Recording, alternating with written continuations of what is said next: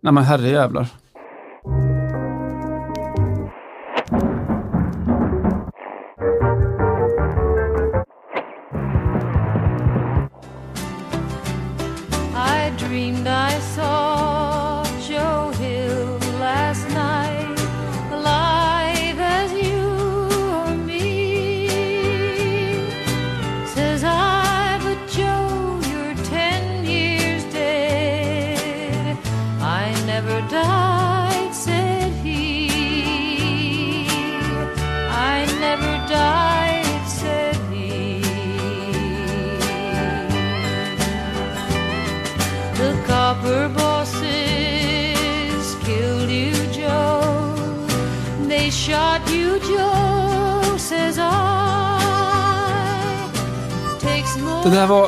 Var Baez eh, om Joe Hill förstås. Då. Det här är Football Radical, eh, alltså Sportbladets podcast om eh, ja, amatörporr och Jorge Valdano mest. Jag heter Simon Bank, med mig har jag Johanna Frändén och en snabb fråga då, kontrollfråga. Hur firar du första maj? Oj, jag firade nog inte så särskilt mycket. Jag måste gå tillbaka här och titta i min fullspäckade agenda exakt vad jag gjorde. Eh, men jag tänker mig att jag typ kanske mm, tog ett glas och åt Mm. en middag på lokal. Det var nog det jag gjorde. Det låter fint. Du stöttade ditt eh, lokala näringsliv. Exakt, Mm. precis så. I. Göteborg alltjämt, eller? Alltjämt i Göteborg. Eh, mer, mer bestämt på en tjeckisk restaurang. Ibland måste man ju äta panerad ost. På Schweik, eller vad heter den? Gyllene Prag kanske? Ja, exakt. Precis. Mm. Schweik är den som ligger i, på Söder i Stockholm. Just det. Gyllene Prag är lite mer, eh, det är lite mer nedgångna Göteborgsalternativet. Såklart. Eh, som är väldigt allt. fina. Det känns som ett första maj-firande bara att vara i Göteborg, lite grann. Ja, precis. Det är ju ett statement. Det är alltid ett statement att vara i Göteborg. Så gott inte som något. Nej. Mm. Mm. Eh, är En sak, jo, eh, nej, alltså, saken var att jag hade tänkt att, eh, att återvända till min arbetsplats första gången på kanske en, en och en halv månad eller så. Mm. Va, vaknade på morgonen eh, med en lätt, ja, en, en, en vibration i mitt bröst och en lätt eh, smärta i min hals. Oj, och inte bra vibrationer då eller? Eh, den gav mig bra vibrationer, alltså just bröstkänslan var god, eh, halskänslan mer eh, flytande sådär. Men det var intressant var det för då hamnar man just i den där, eh, det etiska valet någonstans som jag antar att så oerhört många har stått inför det sista. Att man, det enda man vill är att komma in och få göra sitt värv eh, samtidigt som man känner att ja, men det här kanske eventuellt kan vara någonting som kan vara någonting. Mm. Eh, ska man ta ansvar för sitt eget välbefinnande eller för, för världen på något vis. Eh, så jag fick vara hemma istället, det blev så. Du valde världen Jag, jag valde världen. Jag, genom att jag, stanna val, hemma. Det är det nya, att välja världen. Mm. ja, jag, jag valde inte glädjen, jag valde världen. Mm. Det blev så. Nej, men det var lite spännande i alla fall att, eh, att bli sådär uppenbart konfronterad med det där jävligt tuffa valet ju, som det faktiskt är. Mm. Eh, en dag till när jag var värdelös på mitt arbete. Eh, men det slog mig lite i alla fall eh, hur olika då första maj märktes i, i fotbollen, lite beroende på vilket land som man befann sig i. Eh, och det, det är speciellt just nu, alltså vi har ju tragglat det ganska mycket de senaste avsnitten om hur ja, den här tiden är väldigt speciell för fotbollsbranschen och för fotbollsspelare. Då, att det ja, den här våren när liksom de har, spelarna har slutat vara myter och eh, istället då blivit dels människor och kanske framförallt arbetare. Att vi... Vi har tragglat det så mycket så att det är det snart dags för läxförhör nästan det känns verkligen så. Eh, oklart vilken form, men ja, vi kan väl ses på Gyllene Prag och gå igenom, Mm. tänker jag. Precis. Eh, nej, men vi har liksom börjat hamna där att man, man pratar om, om kontrakt som anställningstrygghet snarare än, än något, något bara vulgärt och miljoner och miljarder som studsar hit och dit. Och vi snackar om lönerna som, som måste sänkas för kollektivets fromma och om den här depressionen som du har pratat om och som har drabbat många elitspelare. Mm. Eh, och ja, första maj i alla fall i, i Syd och Latinamerika så märkte man det på att i princip samtliga spelarfack då i alltså Colombia, Panama, Mexiko, Peru och så vidare och så vidare gick ut med, med kampanjer då som handlade om att fira arbetarnas dag och driva vidare kampen för fotbollsarbetarnas rättigheter. Mm. Eh, Jag såg att sydafrikanska spelarfacket la ut en bild på, på sociala medier med Joe Hill-raden då just om eh, There is power in a union. Eh, och eh, tänkte avsluta mitt väldigt långa intro med att eh, skicka ett litet meddelande från manliga och kvinnliga fotbollsspelare i Uruguays spelarfack. Eh, så här lät det från dem på första maj. Hoy, primero de mayo, es el Día Internacional de los Trabajadores. y también de los trabajadores. Tu día, Y el mío. Porque si bien el fútbol es pasión, también es trabajo, Como trabajadores tenemos responsabilidades. pero también se deben garantizar nuestros derechos. Juntos, hombro con hombro, Espalda, Espalda con espalda. Seguiremos dignificando esta hermosa profesión. Y hoy, en esta situación difícil que nos toca vivir, Demostraremos que con solidaridad y compañerismo Saldremos adelante. vamos que vamos. Vamos que vamos. vamos nosotros, vamos que vamos. vamos nosotros. Aguante el fútbol uruguayo. aguante el fútbol uruguayo. Aguante el fútbol uruguayo. Aguante el fútbol uruguayo. Ja, framåt Uruguay eh, tillsammans. Vi är alla fotbollsarbetare sida vid sida och så vidare. Eh, jag tänker att eh, just det här med att hur olika man uppmärksammar eller inte uppmärksammar första maj säger ganska mycket om kulturer men ja, i det stora hela så, så oavsett om man är fackvän eller eh, fascist så tror jag att man kan vara överens om att det finns någonting att lära sig av, av den här tiden som vi är i. Att eh, fotbollen utöver allt annat också ett, ett jobb faktiskt. Mm. Så. Förresten, hur tror du att den svenska spelarföreningen förhöll sig till första maj? Pass. Nej, de gjorde inte det alls. Eh, som de allra flesta spelarfacken i Europa. Lite olika det där. Vi gillar olika Vi gillar olika. på vår tidning. Vi kan också i så fall konstatera vad det gäller just eh, Latin och Sydamerika att eh, det är ju som vanligt en grupp som är relativt eh, bortglömd i, eller super, för att inte säga superdiskriminerad i de här tiderna. Och en liten genomgång då av damfotbollens villkor under coronakrisen i Sydamerika ger vid handen att detta har ju liksom förstärkts. Alltså det är ju ganska typiskt eh, för den här krisen. Att det, och det har varit många varningar ute i, från olika håll om att eh, damfotbollen kommer, kommer få en, en fet smäll av det här. Mm. Mycket mer kanske än herrfotbollen, framförallt på toppnivå.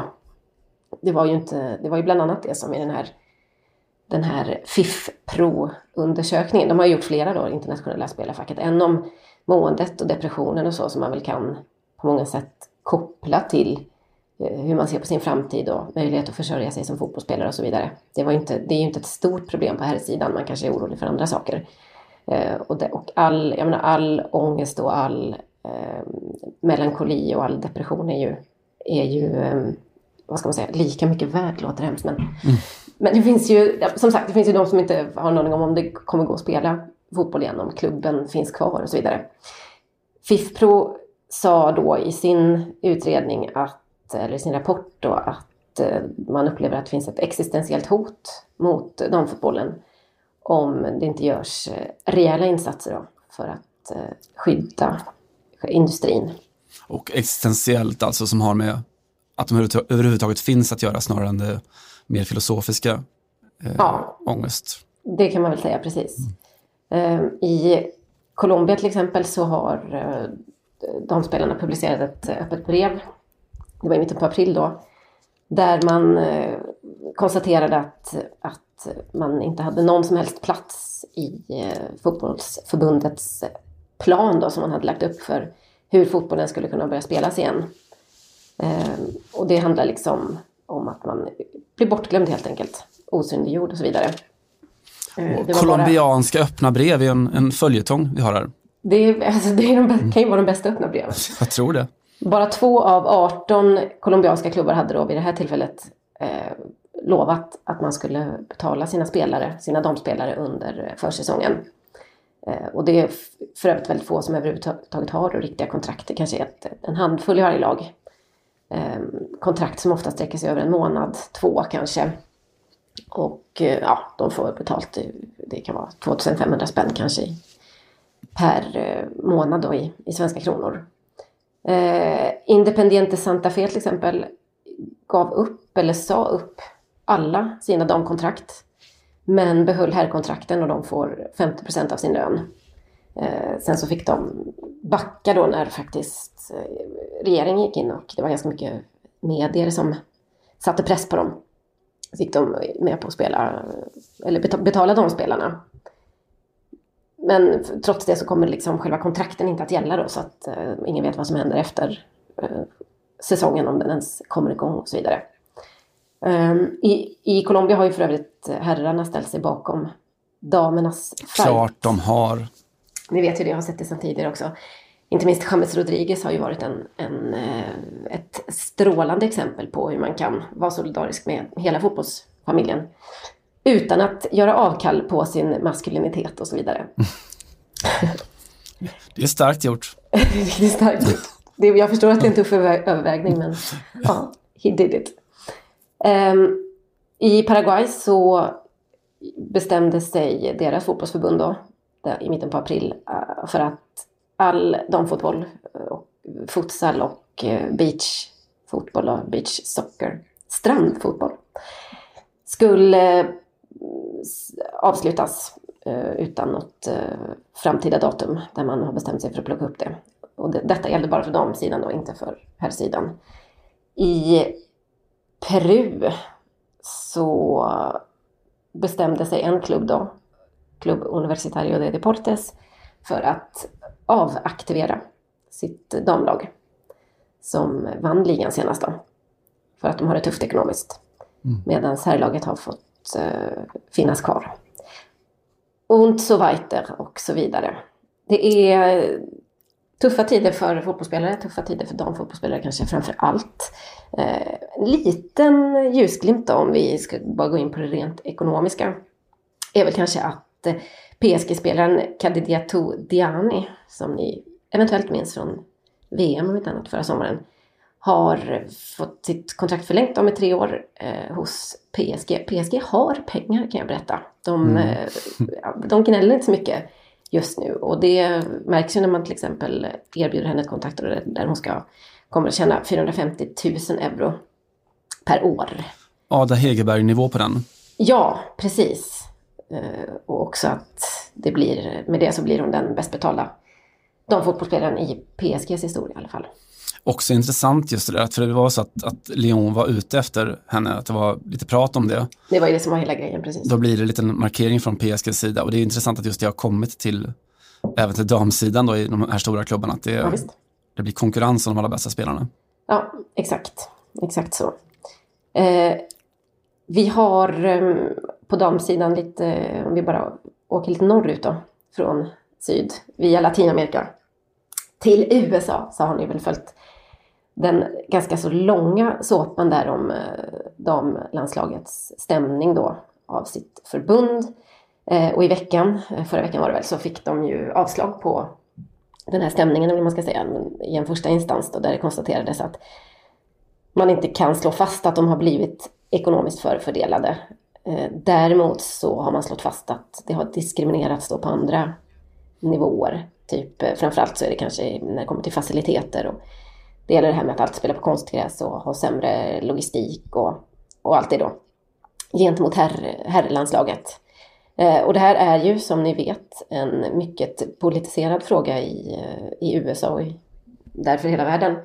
Eh, och så här lät det då när Megan Rapinoe pratade om saken med eh, vad som troligtvis blir då Demokraternas presidentkandidat Joe Biden. Han sitter ju i en källare och, och försöker sända lite vad ska man säga, lite val och politisk eh, eh podd höll jag på att säga. Inte Vlogg kanske. Mm. I alla fall, men i en i sån Instagram live eh, mellan Rapino och Biden och Bidens fru. Hade jag varit en god feminist så hade jag ju vetat vad hon heter, men får heta Bidens fru än så länge. Så erbjöd Rapino också sina tjänster till Biden.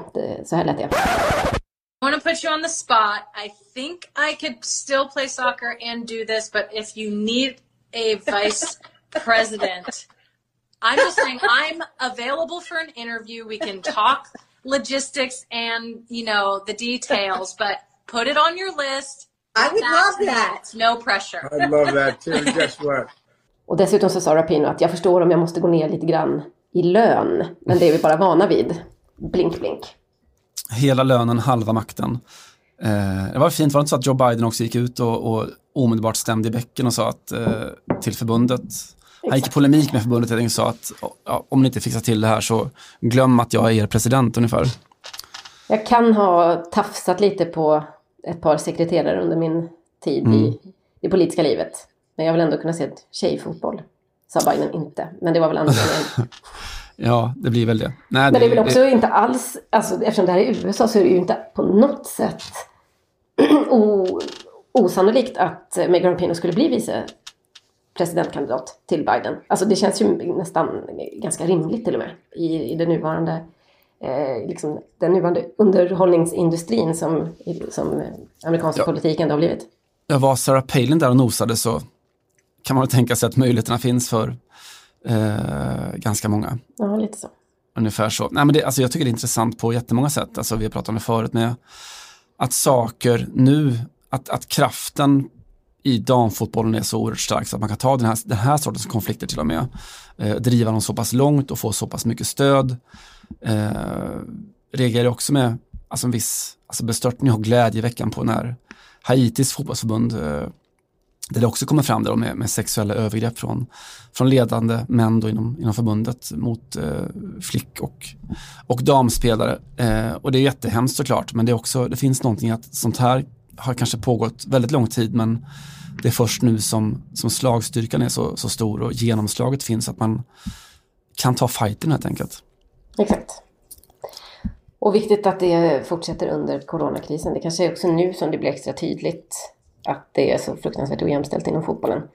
Och där är ju ganska många av damspelarna lite bättre skickade oftast att eh, ta debatten, som vi kallar det.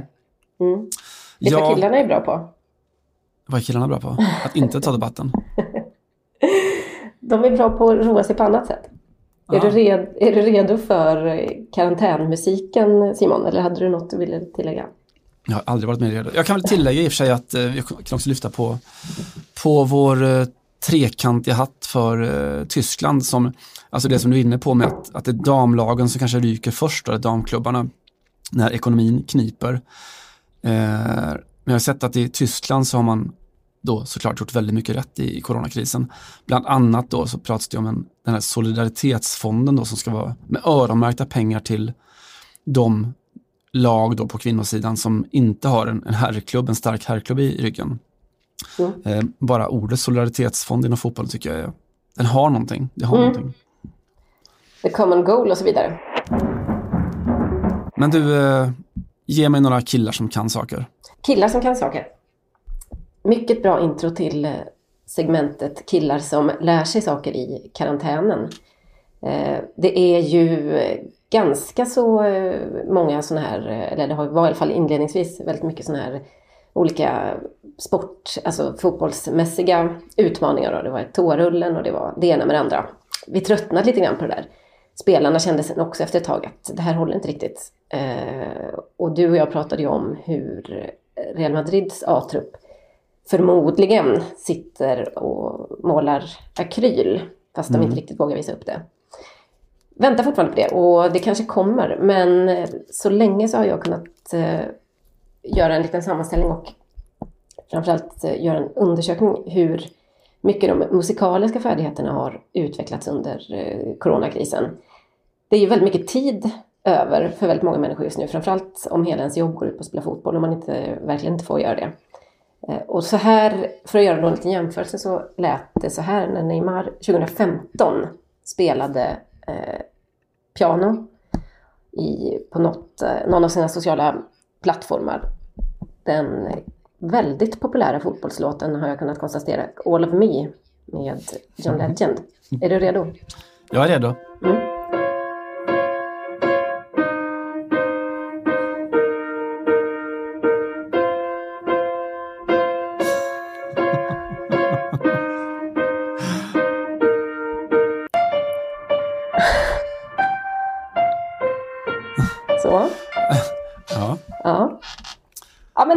A for effort, eller vad säger man?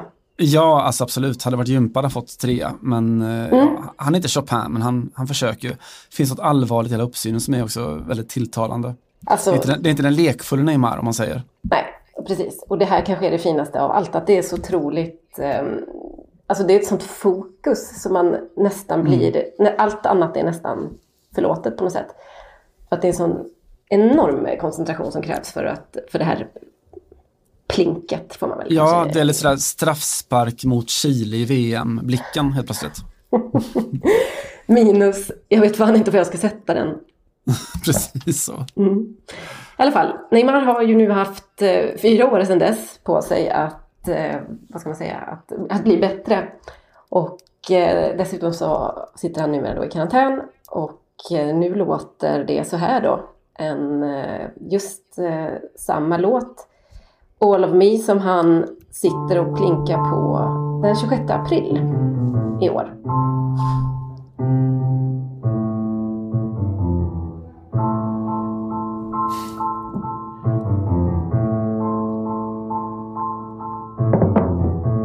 Det är lite bättre va? Det är lite bättre efter fyra år. Eh, Ja. det, får man göra. det är fortfarande inte Chopin, men någonting har ju hänt. Och också, även tycker jag med hela hållningen så, lite mer avslappnat. Det är fortfarande Joe Legend, det är viktigt att komma ihåg. Ja, ja. Eh, Jag vill skicka ett stort eh, obrigada till Neymar för att han också lägger upp just samma låt så att man verkligen kan göra en, en rättvis bedömning av utvecklingskurvan. Eh, konstaterar också att han har, jag, jag saknar ju för övrigt mitt piano väldigt mycket, tänker på det ganska så ofta i karantänen. Konstaterar att eh, Neymar har minst två håll käften-flyglar flyglar som så att säga är ja, lite av en dröm för oss som är på en lite högre nivå än så här, men som inte riktigt eh, fyller salongen än så länge. Och båda spelar John Legend alltså. Ja, Eller det kanske inte funkar så, det kanske är, man kanske ska spela mer olika sorters musik på, på en flygel, jag vet inte. Men du noterar att han också lagt in John Legends röst i bakgrunden så att han ska liksom kompa honom med känslan där. Ja, det är fint. Mm. Nej, jag tycker framsteg ändå, vi lyfter på hatten. Mm, vi lyfter på hatten. Ehm, vi har ju ett eh, annat S som vi pratade om lite grann just när vi pratade om de här eh, Real Madrid-artisterna. Eh, Sergio Ramos. Jag drygade mig lite och sa att han målar eventuellt riktigt dåligt. Eh, det han inte gör, och det är ganska så känt, det är att spela flamenco jättedåligt. Inte heller jättebra. Men betydligt bättre än eh, du och jag till exempel. Då är vi på gitarr nu då. Så att eh, kanske att det är, alltså en, en, en, det är en svårare jämförelse att göra i alla fall. Um, så här lät då Sergio Ramos när han besökte ett eh, spanskt eh, underhållningsprogram som heter El Hormiguero 2019 tror jag. Det var förra året. Eh, det är, kan- vad ska vi säga, det är Ramos på solot. Han är också kompad här då av en professionell eh, gitarrist. Tror jag faktiskt att det är programledaren.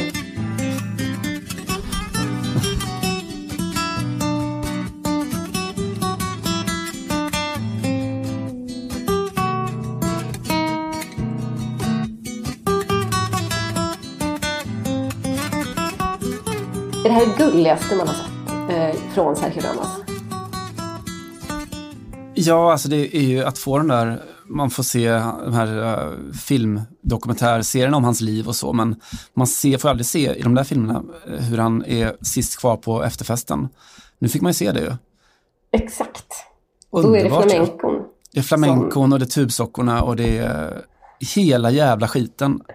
Men det är framförallt en ganska, så, det är en ganska nöjd uppsyn. Alltså han, han stirrar ju extremt fokuserat på vänsterhanden. Liksom. Hur ska jag sätta fingrarna och så. Men det är ändå ett litet leende. Han är så pass, skulle jag säga, bekväm i det. Att han kan, eh, att han kan ta in situationen och ja, faktiskt eh, ta scenen lite grann.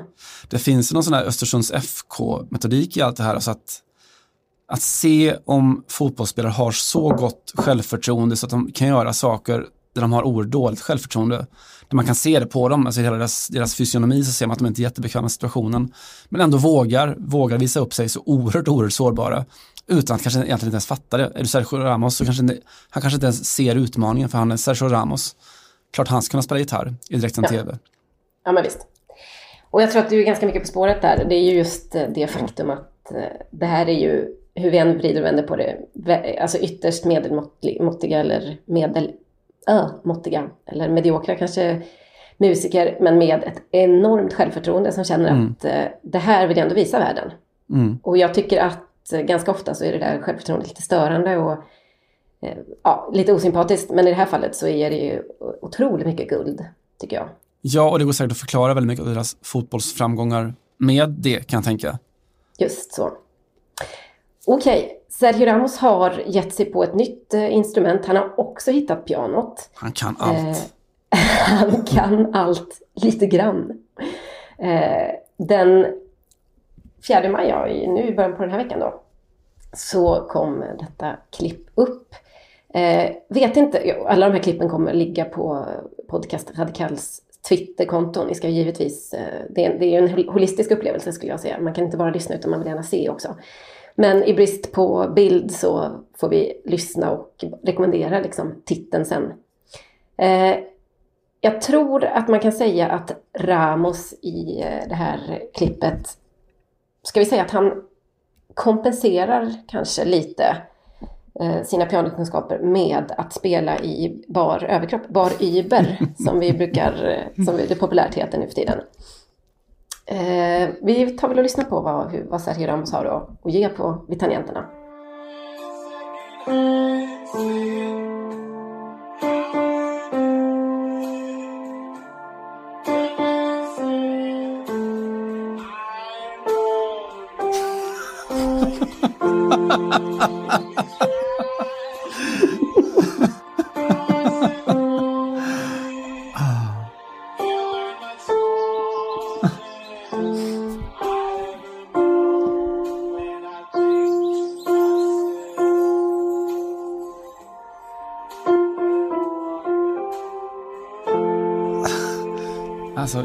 what a wonderful world.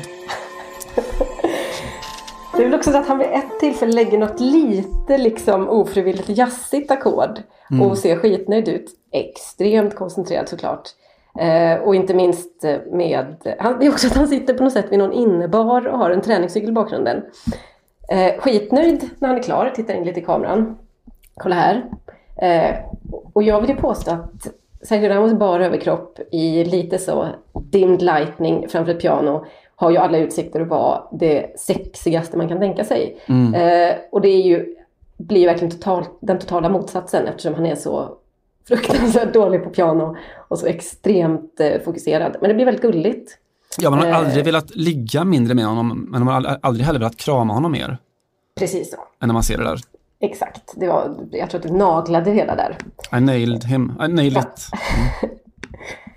Sergio Ramos, eh, återigen då. A för ansträngning eh, till Real Madrids lagkapten. Alltså Johanna, jag känner lite så att bara de här klippen gör ju att coronan, corona nästan är värt det.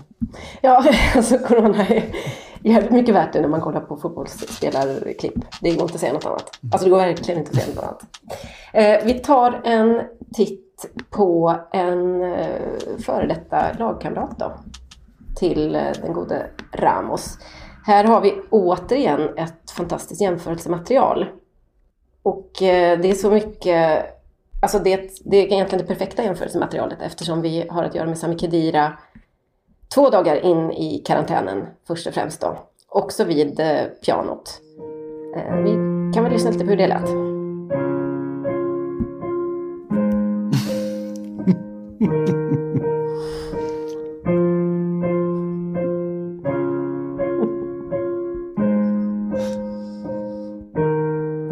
Using time for other things. Result of two days. Alltså vad är det med John Legend då? Alltså när jag spelade, jag spelade fiol, då var det ju så att man började med Lilla Snigel eller Blinka lilla stjärna eller något. Men, men nu är det alltså John Legend man kör. Alltså inte bara John Legend utan just låten All of Me Mm. eh, med John Legend. Det är liksom där vi landar någonstans. Och så här lät Kedira och här vill jag ju ändå påstå att han har spelat lite piano innan eh, karantänen drog igång. Det här kan inte vara efter två dagar. Det, är, det bedömer jag som helt eh, orimligt. Ganska så bra eller? Jag tycker det. Mm. Vi får väl eh, hoppa fram då eh, ett, eh, en månad ganska exakt, en månad och fyra dagar, 19 april, så var det nämligen dags igen. Vi har inte samma låt då, den här gången.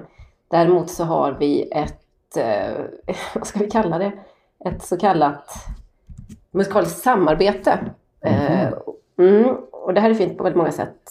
Varför då? För att eh, Sami Khedira har numera så mycket självförtroende så att han har gett sig in i eh, lite mer, i lite mer professionella sammanhang. Så han tillsammans med den tyska The Voice-deltagaren, och redan där är ju det här otroligt humoristiskt på alla sätt, eh, Santiago Gigani, så har han dratt ihop en, sin version av We Are The World. Pratar inte så mycket om spelarnas smak tycker jag, utan vi kan bara konstatera att eh, det här är väldigt gulligt och det är också ett fantastiskt glapp här tror jag mellan professionell talang och eh, självförtroende och eh, hobbytalang. Så här låter det då.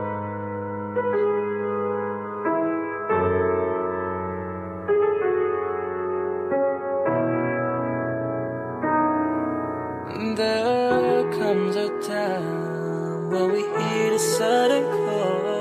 Alltså korsklippningen är också. Superromantisk.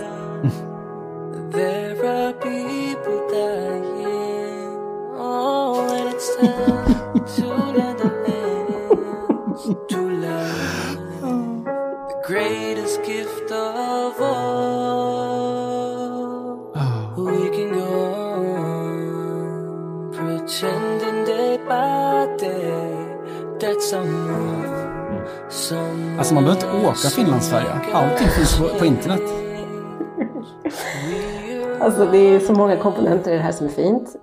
Inte minst tycker jag att Sam Khedira spelar ja, ett litet komp, men framförallt så spelar han ju hela melodin samtidigt som den här Santiago Gigani sjunger. Man brukar ju när man kompar kanske bara liksom lägga några ackord eller om man är riktigt virtuos så eh, fyller man ut med kanske lite egna toner. Men här är det verkligen, jag spelar melodin samtidigt som du sjunger den. Santiago Gigani anpassar ju sitt tempo och sin ljuvliga pojkbandsröst Mm. till Sami Khediras ehm, ja, nivå, kanske vi ska kalla det. Ljuvliga pojkmansutseende. Jävla Mm. synd var det att Bob Dylan tackade nej till att vara med. Ja,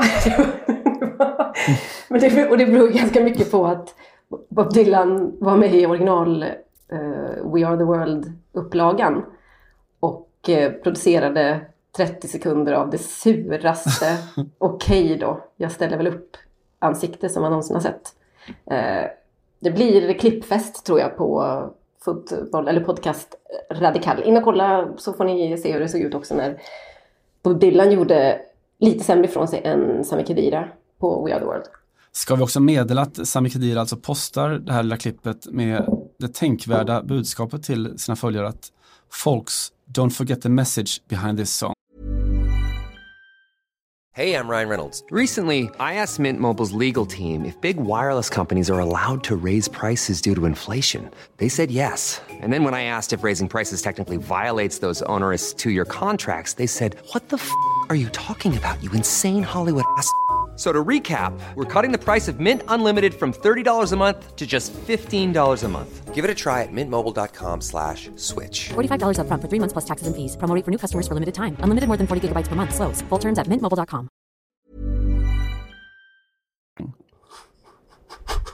Stay at home and help each other. Vilket ju inte riktigt var originalbudskapet med We Are The World. Men ändå, ja, help each other möjligtvis då. Ja, Together we're man- strong. Ja, man får lyssna noga så att man, det finns mycket mellan raderna. Eh, Så är det. Ork- orkar du en till eller? Eh, ja, jag säger till när jag fått nog. Ja. Det kommer aldrig hända. Mm. Nej. Fint. Eh, här har vi kanske den mesta jag önskar att jag var popstjärna-insatsen hittills. Varför det? Ja, för att Alison Becker är inte så satans långt ifrån. Eh, han är ju verkligen inte nära på något sätt, men det finns någonting lite, ska vi kalla det, alltså någonting i hans poserande visar på något sätt att eh, det här är typ min bakgård. Eh, kan vi låta, lyssna lite på hur det lät eh, när Becker för eh, några år sedan då gjorde en liten så kallad session med Jamie Webster. Det här är också alltså mycket på gitarr alltså, så att ni förstår det. Men snart kommer sånginsatsen. Outra noite fracassada sem você do lado. Tô saindo da boate todo incomodado. Tá na cara que eu não te esqueci. Skaplig start, eller Ja, hur? men det tycker jag verkligen. Jag vill höra tonartshöjningen bara. Ja, det är jag. Jag lovar att den kommer, eller tonartshöjningen, men det, de, det högre registret kommer snart in. Det låter väl så här då. E o copo deixei cair da minha mão. Era você beijando outro sem parar. Por isso eu liguei. Melhor esquecer a última mensagem que acabei de enviar. Melhor desconsiderar. Det är målvaktsmusik kan man säga. Det är liksom inte tonträffen som är grejen här, utan det är nog att han vågar Mm. kasta sig ut. Men ja, man kan ju, det tråkiga är ju att det börjar rätt så lovande. Man känner att det här är ju en eh, stabil Mm. efterfestkille. Eh, det är också väldigt vackert att sjunga på portugisiska. Nästan all brasiliansk eh, gitarrbaserad musik låter ju väldigt Mm. fin. För att den, kanske också för att den ger så, så sköna liksom, eh, associationer. Men det är väl ingen ny Gilberto Gil det här, hur mycket han än eh, ville. Nej, det är, det är målvaktsmusik och ganska länge så ser han ut som Alison Becker. Sen så händer det saker i, musiken och melodin som gör att han blir lite mer Karius. Men eh, jag, jag, ger honom, jag ger honom ganska höga betyg för det där.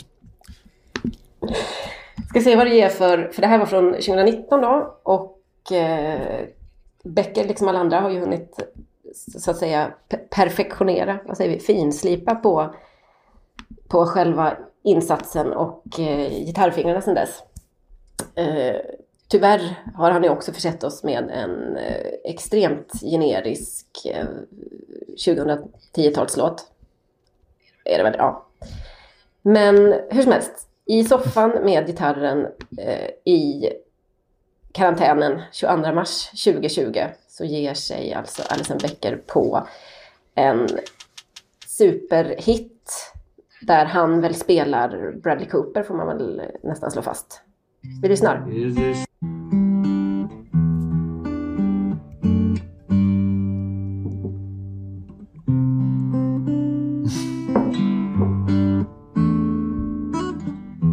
Tell me something, girl. Are you happy in this modern world? Or do you need more? Ja. Ja, men alltså I alla de här klippen så det som slår en mest är ju den totala bristen på, alltså det finns inga leenden. Nej, det kommer ett litet från eh, Ramos när han är typ klar och skitnöjd, fast det blev ganska dåligt. Men nej, men det är, det är väl det som, som gör att det är så bedårande. Mm. Alltså det är så, insatsen och koncentrationen är så hög så att man, det finns liksom ingen, det finns inget som helst ut, utrymme för att vara charmig och det är det som gör att det blir... Totalcharmigt. Eh, ja, men exakt. Eh, också en, ex, alltså det är också lite gulligt att de flesta tror jag som börjar med ett instrument börjar kanske på lite så här, ja men är lite så halvkass akustisk gitarr eller något Mm. piano som är lite halvstämt. Men det här är ju, jag ska säga att så här, skillnaden, diffen mellan fantastiska superdyra instrument och relativt låg nivå gör det nästan ännu gulligare. Den är väldigt fin den här gitarren. Jag är inte någon eh, expert på ämnet men eh, jag konstaterar att broderierna, eller vad vi ska kalla det, är, är, gör sitt till klippet. Jag tror att broderierna inte är helt, helt korrekt terminologi, men jag förstår vad, vad du menar. Det känns inte riktigt så nu. Eh, vad, hur är det på tjejsidan då Simon? Du får gissa först. Alltså jag gissar att de är väldigt, väldigt mycket bättre till att börja med, kan jag tänka mig. Mm. Det är vad man hade gissat. Eh, Jag har inte lyckats hitta några riktigt bra exempel på det här och jag tycker att det är ganska så talande. Tror inte att det är så många tjejer i mellan 20 och 35 som kastar sig ut på sociala medier när de är dåliga på någonting. Eh, kanske framförallt inte om de är ganska dåliga på att lira gura. Så jag efterlyser gärna lite bevis på motsatsen. Finns det någon riktigt rövig insats från Vivianne Miedema eller eh, Alex Morgan så får ni gärna posta dem så kanske vi lyssnar på dem i nästa avsnitt. Men jag konstaterar att det är, det är Och extra dåligt på plus den för dyrt instrument då. Ja, givetvis. Eh, vi har bara Pia Sundhage på den här eh, fronten. Och eh, Pia vet hur man går för. Far och mor döda och våra släktingar tagit gift. Och alla våra vänner har valt sig själva. Och våra lärare och fröknar har gått och trängt sig med varann. Och nu när sömntabletterna slutat hjälpa och när vår präst från konfirmationen står och pekar i det blå och ingen fattar om man visar vägen eller känner vilket håll vinden blåser på Då kommer halta Lotta hem till mig med rösten fylld av gråt och säger vem i hela världen kan man lita på Efter musiken, mer första maj då, för det här årets första maj var ju en väldigt speciell första maj. Eh, vet du vad som var speciellt med första maj 2020? Jag har hört att det var det här att man inte fick samlas och demonstrera tillsammans. Ja, det är ju den mer prosaiska taken på det. Jag tänkte mer på att det var Messis 15-årsjubileum, alltså årsdagen av hans allra första A-lagsmål för Barcelona. Det, detta såg jag flyga förbi, ja. Eh, ger ju perspektiv så att säga. Mm. Hur gammal är han egentligen? Eh. Han är fortfarande mycket yngre än oss. Ja, jag tror han, han kommer fortsätta vara det enligt någon sorts matematiska lagar. För jävligt. Snart är du lika han gammal som jag, sa alltid min morfar när han gratulerade mamma på födelsedagen. Ja, just det. Eh, fel fick han. Det är väl om man dör möjligen. Eh, Ja, han gjorde det, tyvärr. Mm. Är hon ikapp? Nej. Är Tyra ikapp? Nej. Nej. Du ser. Eh, long may she run. Eh, han gjorde alltså då 17 år gammal 2-0 mot Albacete. Eh, vi kan väl lägga upp det klippet också för det, det är verkligen värt att titta på. En helt sinnessjuk Page. sekvens där han då Nej. Ja, man ser alltså i, i, två gånger om. Först så är det att han liksom nickar bollen förbi eh, en back eh, och sen så då när han gör mål så lobbar han målvakten i, i fart. Eh, passning från Ronaldinho också, eh, poetiskt nog. Det här är varför Eh. vi inte pratar så mycket om spelsekvenser i podden. Det är fruktansvärt svårt att återge eh, muntligt. Ja, det är ju det. Alltså, man kan göra det på någon sorts filos- filosofiskt plan. Alltså, för att det som är så Jo, intressant jo. med, ja, men med, med, med det här är att liksom, båda de här små sakerna som sker in, liksom, inom ett par sekunder är att var för sig så visar man liksom upp de här, en sorts kvalitet som med någon, så här förståelse för, för tid och rymd och, och motståndare som kanske fem spelare i världen har ungefär. Och Messi gör alltså det här när han är 17 år och helt, helt färsk i, i A-laget. Eh, 15 år, han har gjort drygt 600 mål för Barcelona sedan dess. Han har fått skägg och han har tatuerat sig och han har gift sig och han har fått barn. Och, Han har klippt bort har- pagen. Jag tycker att du ignorerar min page-invändning där. eh, ja, det är tråkigt. Är det. det är oerhört tråkigt. han är inte sin, sitt kerub-jag längre.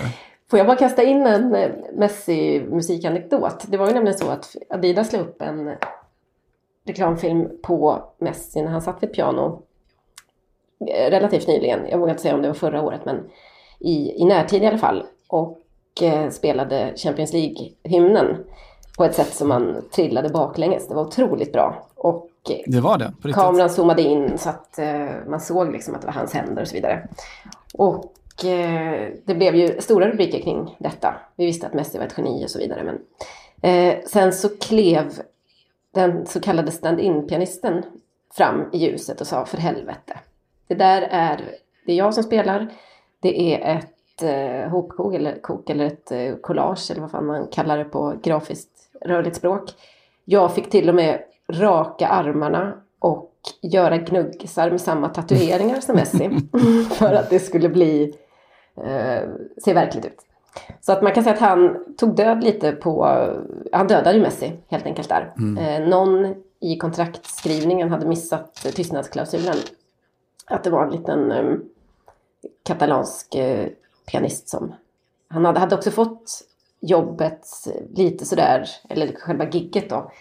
Bara fått höra liksom att kan du komma och spela en Champions League-hymnen i en studio? Han bara okej, okay, typ.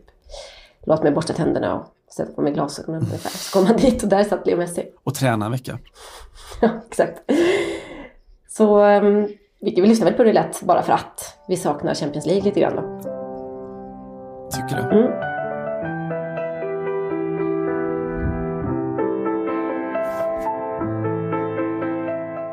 Ja, 15 år. Eh, Jag, alltså, jag tänkte bara fråga så om du har något speciellt sånt eh, ja, Messi-minne från, från perioden? Från våra 15 år. Våra 15 år med farsan och skägget och allt däremellan. Ja, jag har väl ganska så många egentligen. Jag, eh, framförallt de tre åren jag bodde i Barcelona så stötte jag på honom, jag vill att, att ta i. Men eh, man, det är ändå så, eller det var fortfarande så då att eh, Barcelona var en relativt öppen klubb. Den är fortfarande ganska så öppen. Det var mycket presskonferenser och, och olika liksom, tillfällen att möta spelarna och ställa frågor till dem och sådär. Messi var ju redan då ett undantag. Han dök inte upp så satans ofta. Men man kunde ju till exempel gå till trä, alltså till, ehm, ja, till man, kunde, man kunde röra sig ganska fritt på träningsanläggningen, det var väl det jag skulle säga. Det en, presskonferenssalen låg då precis bredvid de här eh, omklädningsrummen. Faktum var att de ändrade faktiskt det efter att den berömda bilden på, och ömsinta bilden på Gerard Piqué och Zlatan Ibrahimovic publicerades. Den som togs av vår kollega på DN, Anders Sennås. Ehm, klubben var inte nöjd med debatten efteråt som handlade om eh, ja, taktila män och mis, alltså, dold homosexualitet i omklädningsrum och det ena med det andra. Ni minns kanske det. Men ja, då var det faktiskt vid ett tillfälle när jag var på väg hem därifrån och gick mot antingen om jag försökte hitta en taxi eller jag tror att jag kanske ska gå till eh, spårvagnen som gick ganska nära där. Och skulle lite så, lite väl våghalsigt kanske, korsa en gatan som är utanför, precis utanför eh, spelaren, eller träningsanläggningen eller det jättekomplexet som är eh, Ciutat Esportiva Barcelona. Och en bil kom i en jävla hastighet, alltså vi snackar en bra bit över 100 km i timmen. Och eh, höll på att köra över mig, inte riktigt då. Jag sprang som en gnu. Eh, men lyckades se att Leo Messi satt i bilen. Det kan ha möjligt att jag pratade om det här tidigare Simon. Men jag vet att jag tänkte då två tankar. Tur att man inte dog. Synd att man inte blev överkörd av Leo Messi om man ändå skulle dö. Vem skulle fått mest rubriker i svensk media? Eh, Zlatan, tänker jag. Det är väl Eller? svaret på allt. Mm. Nej, jag vet inte. Leo Messi, okej jag ska ta ett minne där jag hade något på riktigt med honom att göra då. Men det är sant att han kör sanslöst fort. Och det här var också precis i, ganska länge så var ju hans, alltid någon i familjen, oftast hans ena brorsa Rodrigo där och hämtade upp honom efter träningen. De behandlade honom väldigt länge som att han var 15 år fast han var en bit över Mm. 20 och så. Och, och det var alltid lite kul att stå och, och tugga med honom. Han var väldigt, eh, han var inte alls ointresserad av att prata med journalister om det ena och det andra och så. Men vid ett eh, tillfälle 2012 var det inför EM då så fick eh, Leo Messi ställa upp på någon sån här pressträff. Om det, jag vet inte om det var Barcelona som höll den, förmodligen inte, det var något sponsorrelaterat. Men det var ganska mycket journalister som hade flugit in. Bland annat en dansk. Som, och alla fick ställa en fråga då. Och dansken ställde ju då den obligatoriska frågan. Hur tror du att det går för Danmark i EM? Och det blev lite fnissigt i lokalen sådär. Eh, Mest kanske för att det var mestadels då vanliga Barca-journalister som är vana att kanske ställa lite an, annan typ av frågor till Messi. Eh, Messi gillade den här frågan va? och fnissade lite eller avfyrade ett, ett... Det var första gången jag såg det, det där lite pillemariska leendet som har blivit Mm. lite av hans, eh, vad ska man säga, nästan varumärke sedan dess. Men Det är det leendet han har, väl? Inte det? Jo, precis. Men han hade inte haft det fram till dess för han var så Mm. ung och så inbunden och introvert och allt det där. Så att det här var första gången som jag kunde minnas att han liksom hade någon form av ironi i sig. Eller du vet, lite sådär att han ja, fattade att, att det här var liksom ett, ett kul läge att svara på en konstig fråga. Och svarade ganska översvallande om att eh, Danmark, men herregud, det, med nuvarande trupp så tror jag att vi kan se dem gå väldigt långt i den här turneringen. Eh, och fick också alla förstå att han hade ingen jävla aning om vad Danmark låg. Än mindre än att, att de hade ett fotbollslag antagligen. Eh, Man hade ingen koll på Daniel Braithwaite, var inte med då kanske? Nej, det, var, det, var, det felade väl just där, precis. Ehm, så det är väl eh, två då. Jag var med i mest om Messis första pillemariska leende och han har nästan tagit livet av mig en gång. Det låter ju fantastiskt och det hade varit roligt om det hade skett precis samtidigt. Att första gången du såg hans pillemariska leende var när han höll på att ta livet av dig. Disarm me with a smile och så Mm. vidare. Just det. Eh, jag tänker bjuda på mitt också, eh, som inte alls är lika eh, snävt och smart, men för att det är ganska många tror jag som har precis samma. Men lite så, det handlar väl så här, när man pratar om Han har aldrig försökt köra över dig, är det det du försöker säga? Nej, verkligen inte. Han har kört runt vänligt och långsamt varje gång jag setts. Plockat upp Eh, barnen och så, kört dig till tobaksaffärer. Inga liksom våldsamma tendenser alls där. Nej men det är ju känt att Leo Messi kör mycket lugnare också när han är i Norden, det har jag hört flera säga. Ja, faktiskt. Mm. Eh, nej, men någonstans så handlar det lite om vad det är som får en att, att gilla Det var sen han lärde, visste vad Danmark var för land. Förlåt. Efter Daniel Braithwaite. Eh, men mitt fotbollsintresse så handlar det kanske först och, och främst om estetik kanske, och sen lite kanske om etik och sen kanske lite om politik och, eh, och sen kanske lite om berättelser. Och det finns ett sånt där Messi-ögonblick som egentligen sammanfattar alla de där Resultat, det sakerna. finns inte med i intresset. Men du håller på Tottenham så att jag förstår det för sig. ja, jag skiter i, det finns inga resultat. Eh, för alltså, om det finns någon sån där överordnat narrativ om Messi så är det väl det att han, såklart, först och främst att han är det stora geniet, den kanske, eller förmodligen den bästa genom alla tider. Eh, men också såklart kombinerat med att han förmodligen är den näst bästa i Argentina genom alla tider. Och därför så fastnar jag väl just för det där målet som han gjorde mot, mot Getafe 2007. Eh, Kopian. s- som är en total karbonkopia av Maradonas mål mot England. Eh, alltså Soloreds målet då. Jag tycker att det, där- det där säger liksom allt då, att han, han kunde eller kan göra allting som Diego kunde. Eh, samtidigt som det säger någonting att Messi gjorde sitt mål då i en spansk cupsemi. Ett 2-0 mål liksom och inte mot någon sådär krigsantagonist i en uppumpad VM-kvartsfinal så. Eh, och sen finns det också någonting snyggt i den lilla, lilla avgörande skillnaden att Diego gör sitt mål med vänsterfotens utsida och att Messi gör det med, med högerfoten. Eh, vi kan väl lägga upp det där klippet också såklart då. Eh, förresten, vem tror du har gjort den allra bästa sammanfattningen av eh, den gemensamma berättelsen om Messi och Maradona och som har gjort det i en enda mening? Eh, Jorge Valdano. You bet. Han sa så här, Messi es Maradona todos los días. Messi är Maradona varje dag. Mm. Eh, och då ska man veta att Valdano liksom alltid vägrat att eh, rangordna de där två. Eh, men han har ju helt jävla rätt i det att Messi är liksom Maradona varje dag. Samtidigt som en del av Maradonas storhet var att han aldrig någonsin var Messi. Eh, och att han ofta inte ens var Maradona.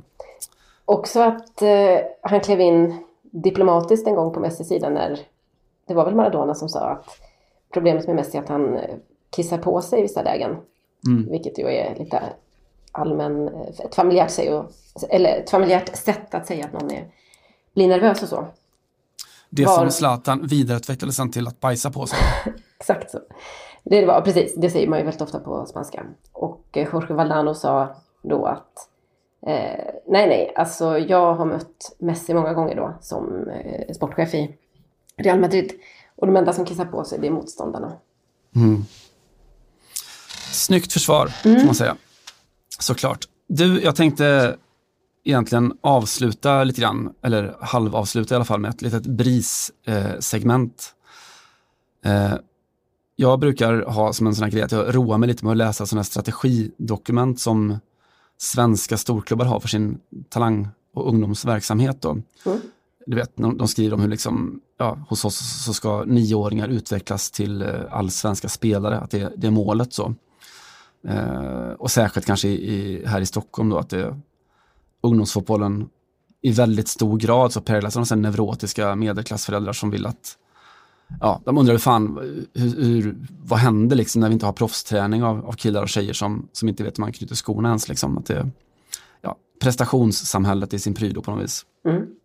Hur som helst, då, i veckan så kom eh, ett utskick från FC Bayern München Eh, jag vet inte om du vet det, men det är en klubb som har ganska sådär, höga ambitioner med sin ungdomsverksamhet.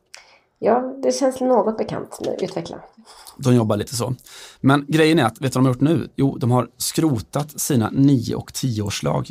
Eh, Bayerns akademi ska alltså från och med nu, eller från och med nästa år tror jag det var, börja sin verksamhet med 11-åringar först. Eh, och varför då, då? Jo, för att de tycker, säger de då, att det är bättre att små barn utvecklas i sin hemmiljö. Eh, att de mår bra av att slippa press när de är 10 år gamla.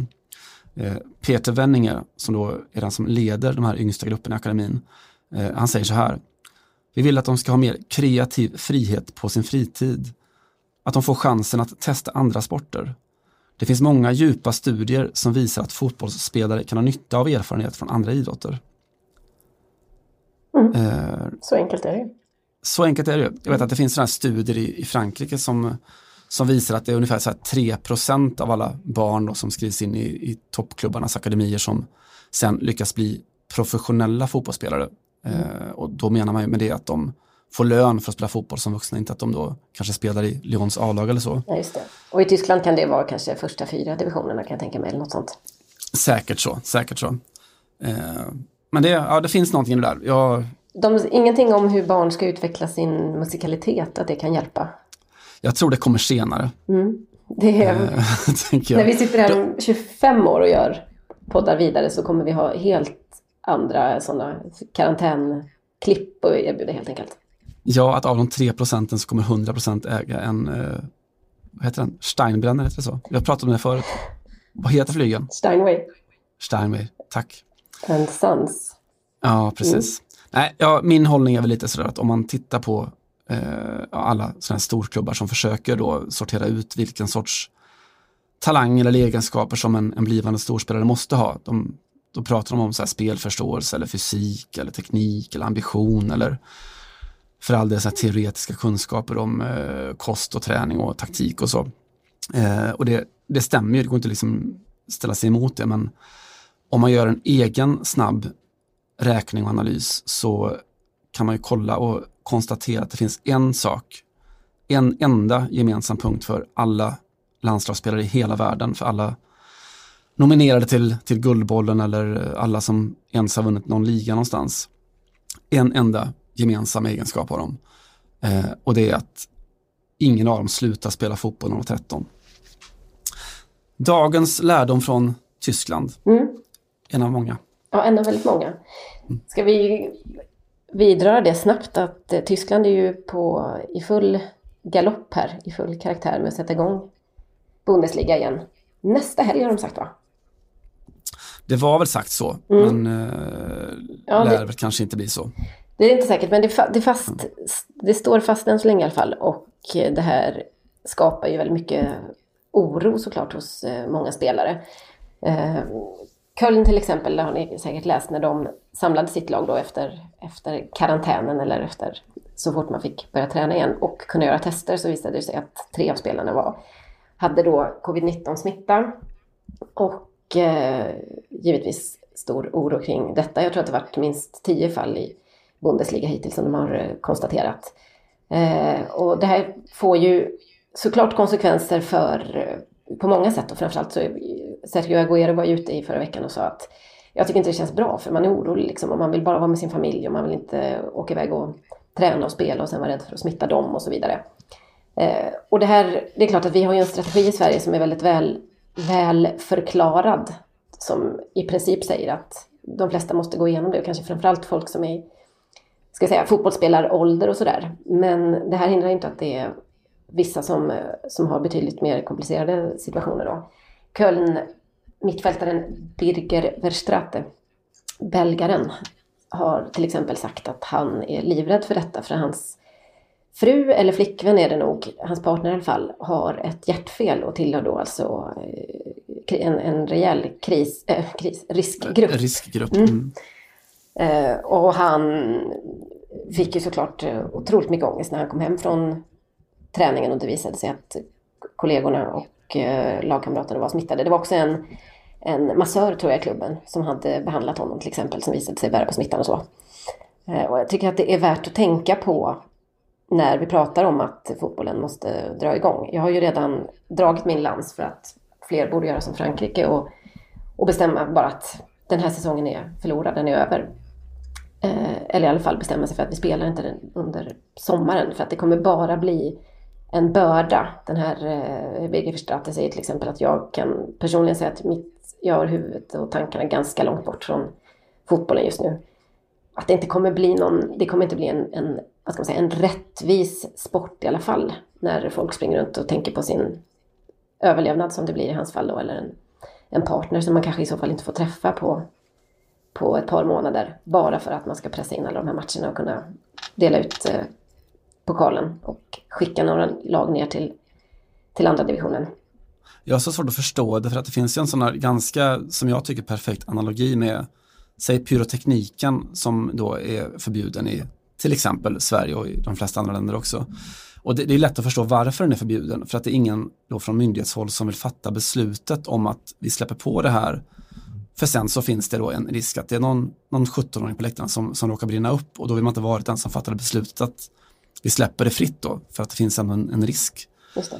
Eh, men med corona så verkar det inte riktigt funka så. Att eh, branschen är så oerhört stark eh, till skillnad från då supportrörelsen så att ja, man är beredd att ta risken. Att till och med så känns det okej okay att vara den som trycker på knappen vetandes att det finns en risk då att ja, någons partner eller förälder eller vad det nu kan vara dör i, i covid. Mm.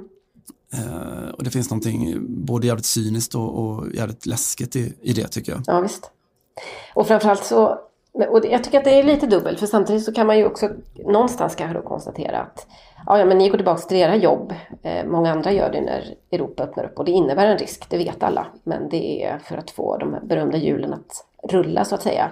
Mm. Eh, jag tänker mer på fakt alltså just eh, den idén om att eh, man måste pressa in och effektivisera det så otroligt mycket då.